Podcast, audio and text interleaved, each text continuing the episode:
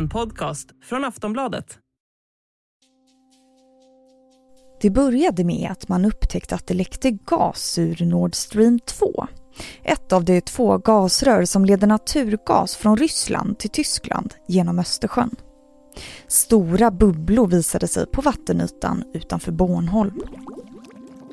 Och strax därefter märkte man att det även läckte i det andra röret, Nord Stream 1.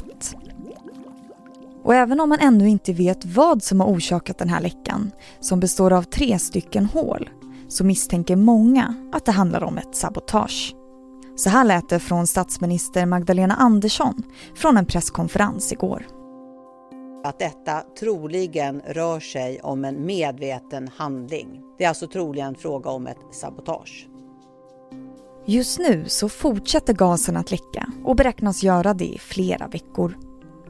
Utsläppet, som bland annat syns som ett ett kilometer brett bubblande hål på vattenytan, kan vara riktigt skadligt för miljön i Östersjön och motsvarar hittills åtta månaders utsläpp från Danmark.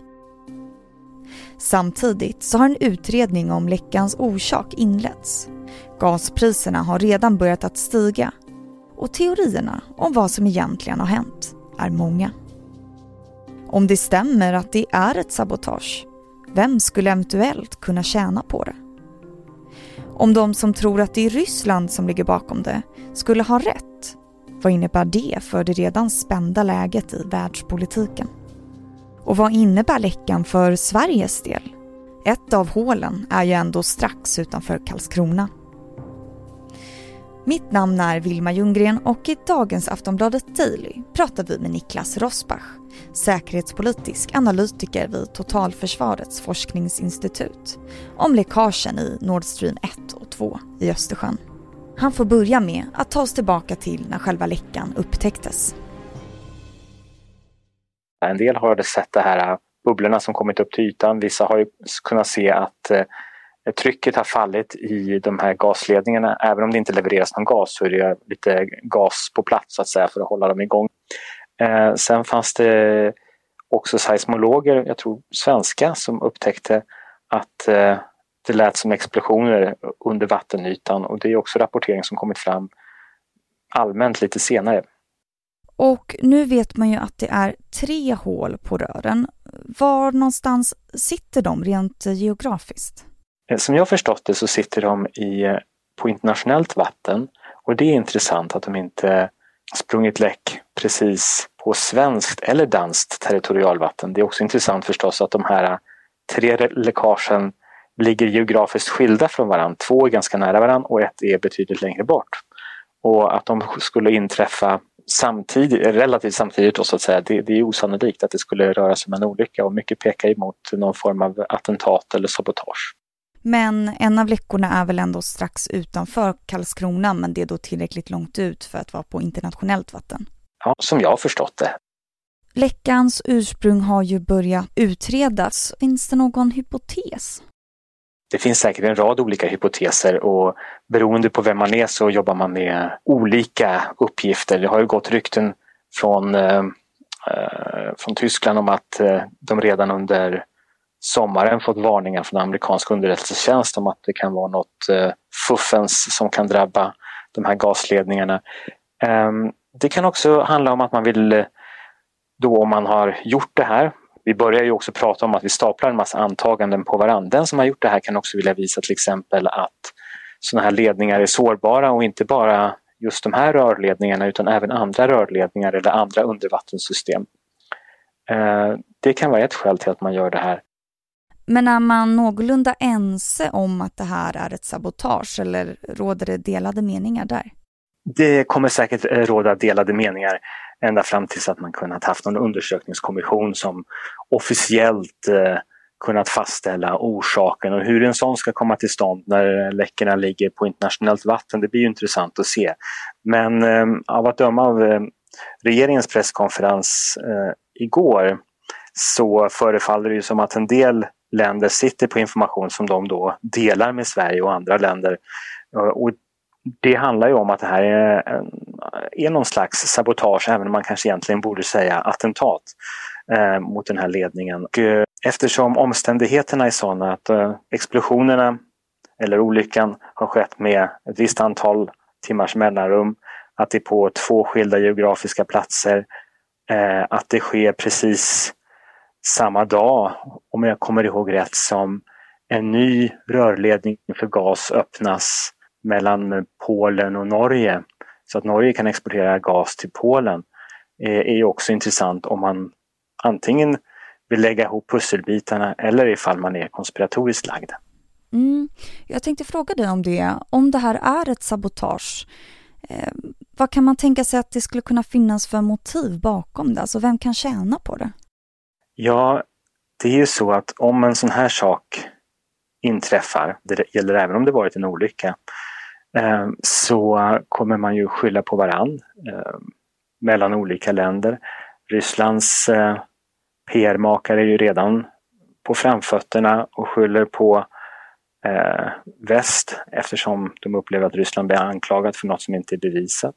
Och väst, eller många i väst, däribland jag, undrar undrar om det inte är så att Ryssland själv ligger bakom det här. Och det kan ju vara så att om man gör en sån här sak så vill man skapa oro. Och efter ett tag så växer den där oron till en rädsla det är ju så att det, inte, det flöt ju ingen gas genom gasledningarna men det spär på rädslan för att eh, europeiska medborgare ska behöva frysa eller inte kunna ha tillräckligt med elektricitet i vinter. Eh, och det kanske också kan leda till eh, högre elpriser om inte annat. Bland annat för att osäkerheten om olika leveranssystem och så ökar. Hur säkert allting är i energisektorn. Du nämnde ju lite där vad du eventuellt tror, men vad har du för teori om vad som kan ligga bakom det här? Jag tror att i första hand så är det här en del av den här konflikten mellan Ryssland och väst som dels handlar om ett verkligt krig i Ukraina och som också är vad européerna ofta mycket riktigt kallar ett energikrig, även om Ryssland inte valt att kalla det så. Men genom att om de har agerat på det här sättet och förstört den här ledningen så är det en tydlig markering om att det inte går att komma tillbaks till ett eh, normalläge, till en situation innan den här fullskaliga invasionen tidigare i år, 2022 och inte heller kanske innan situationen innan annekteringen av Krim 2014. Nu är det så att Europas gasimport eh, behöver inte de här ledningarna, men de här ledningarna kommer ju behövas i framtiden om Europa vill importera ännu mer gas från Ryssland. Och för Ryssland så har ju det här varit symbolen i att man har ställt upp på eh, Europas energimarknad och allt striktare villkor om import och att det ska skapas en energimarknad. Och det här försvårar ju för europeiska målsättningar att helt enkelt marknadifiera energihandeln eftersom man nu i Europa blir beroende av import från andra länder med långa kontrakt och högre priser. Ehm, det kan vara en del av förklaringarna som ligger bakom. Men jag tror att man ska se det mot bakgrund av den pågående konflikten och så också en påverkansoperation om nu Ryssland ligger bakom. Aftonbladet Daily är strax tillbaka. Cool fact a crocodile can't stick out its tongue. Also, you can get health insurance for a month or just under a year in some states. United Healthcare short term insurance plans, underwritten by Golden Rule Insurance Company, offer flexible, budget friendly coverage for you. Learn more at uh1.com.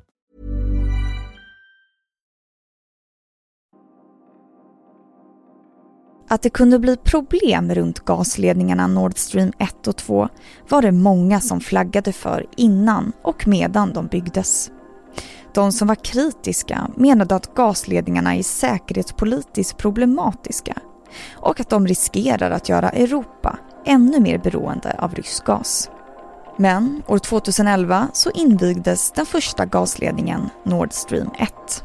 Vi låter Niklas Rosbach ta oss tillbaka till Nord Streams blivande.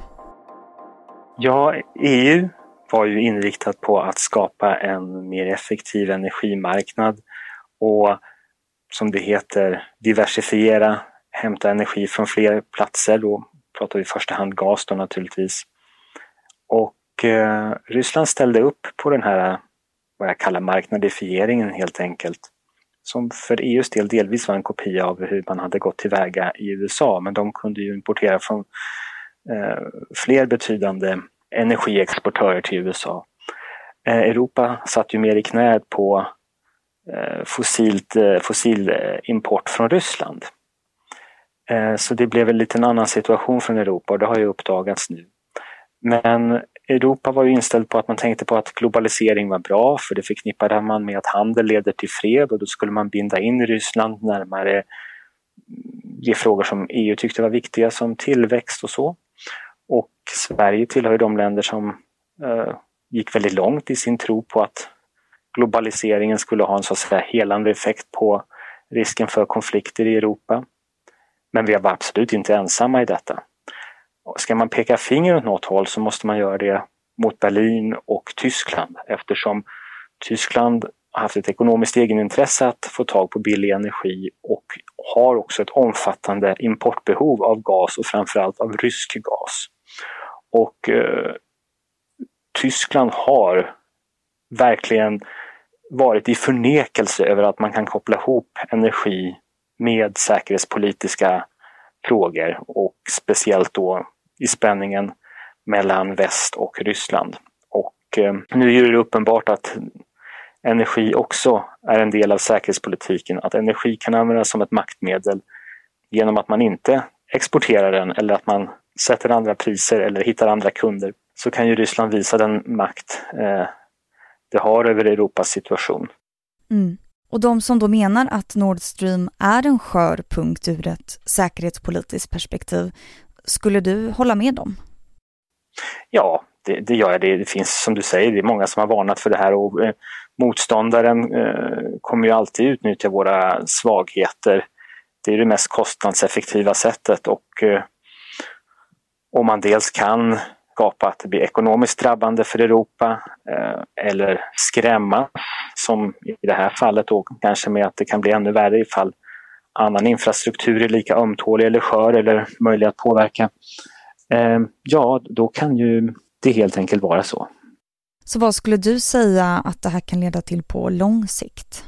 På lång sikt så förvärrar det här situationen eh, mellan väst och Ryssland för att det blir svårare att komma tillbaks till eh, förhandlingsbordet eftersom man ja, kanske rent fysiskt har förstört eh, viktig infrastruktur som skulle kanske vara en del av att locka Ryssland tillbaks till Europa. Att man återigen skulle eh, enkelt kunna säga att Ryssland skulle kunna återgå till en normal export eh, av samma gasvolymer som tidigare till Europa. Men det slår mot förtroendet vilket underminerar möjligheterna till förhandlingar i något framtida läge rörande Ukraina och andra frågor som skulle kunna då leda till att man tog bort de här sanktionerna som man lagt på Ryssland i olika steg.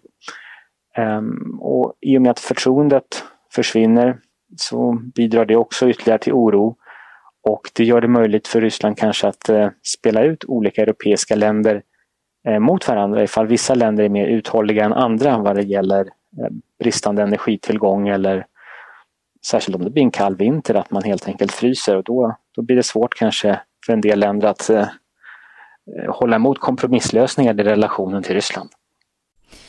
Vad tror du att vi har att vänta härnäst då? det finns oro för att andra installationer och andra energisystem ska utsättas eh, för någon slags eh, fysisk åverkan och så vidare.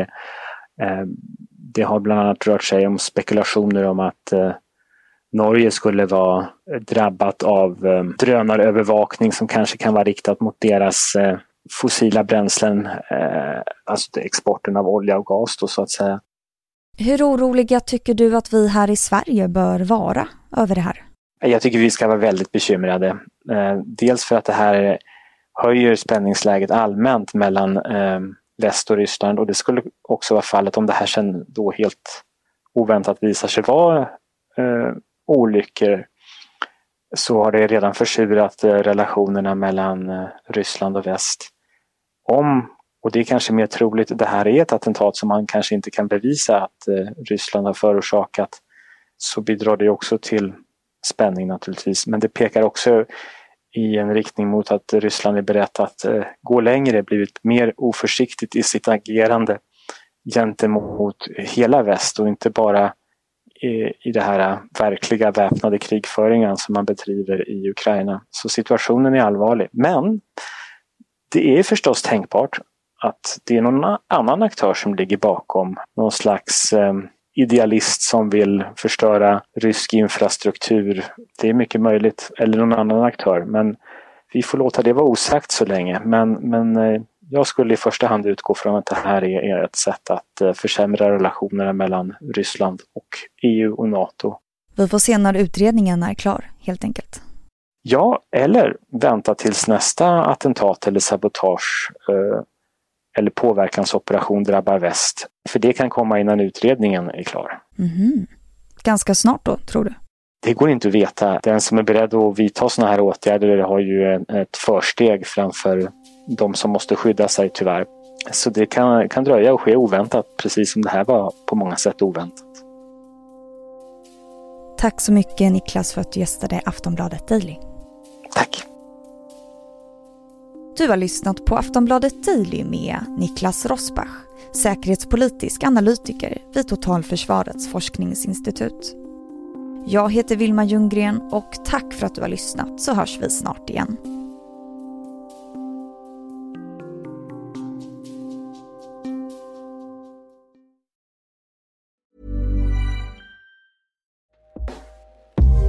Everyone, I've been on the go recently Phoenix, Kansas City, Chicago. If you're like me and have a home but aren't always at home, you have an Airbnb. Hosting your home or a spare room is a very practical side hustle. If you live in a big game town, you can Airbnb your place for fans to stay in. Your home might be worth more than you think. Find out how much at airbnb.com/slash host.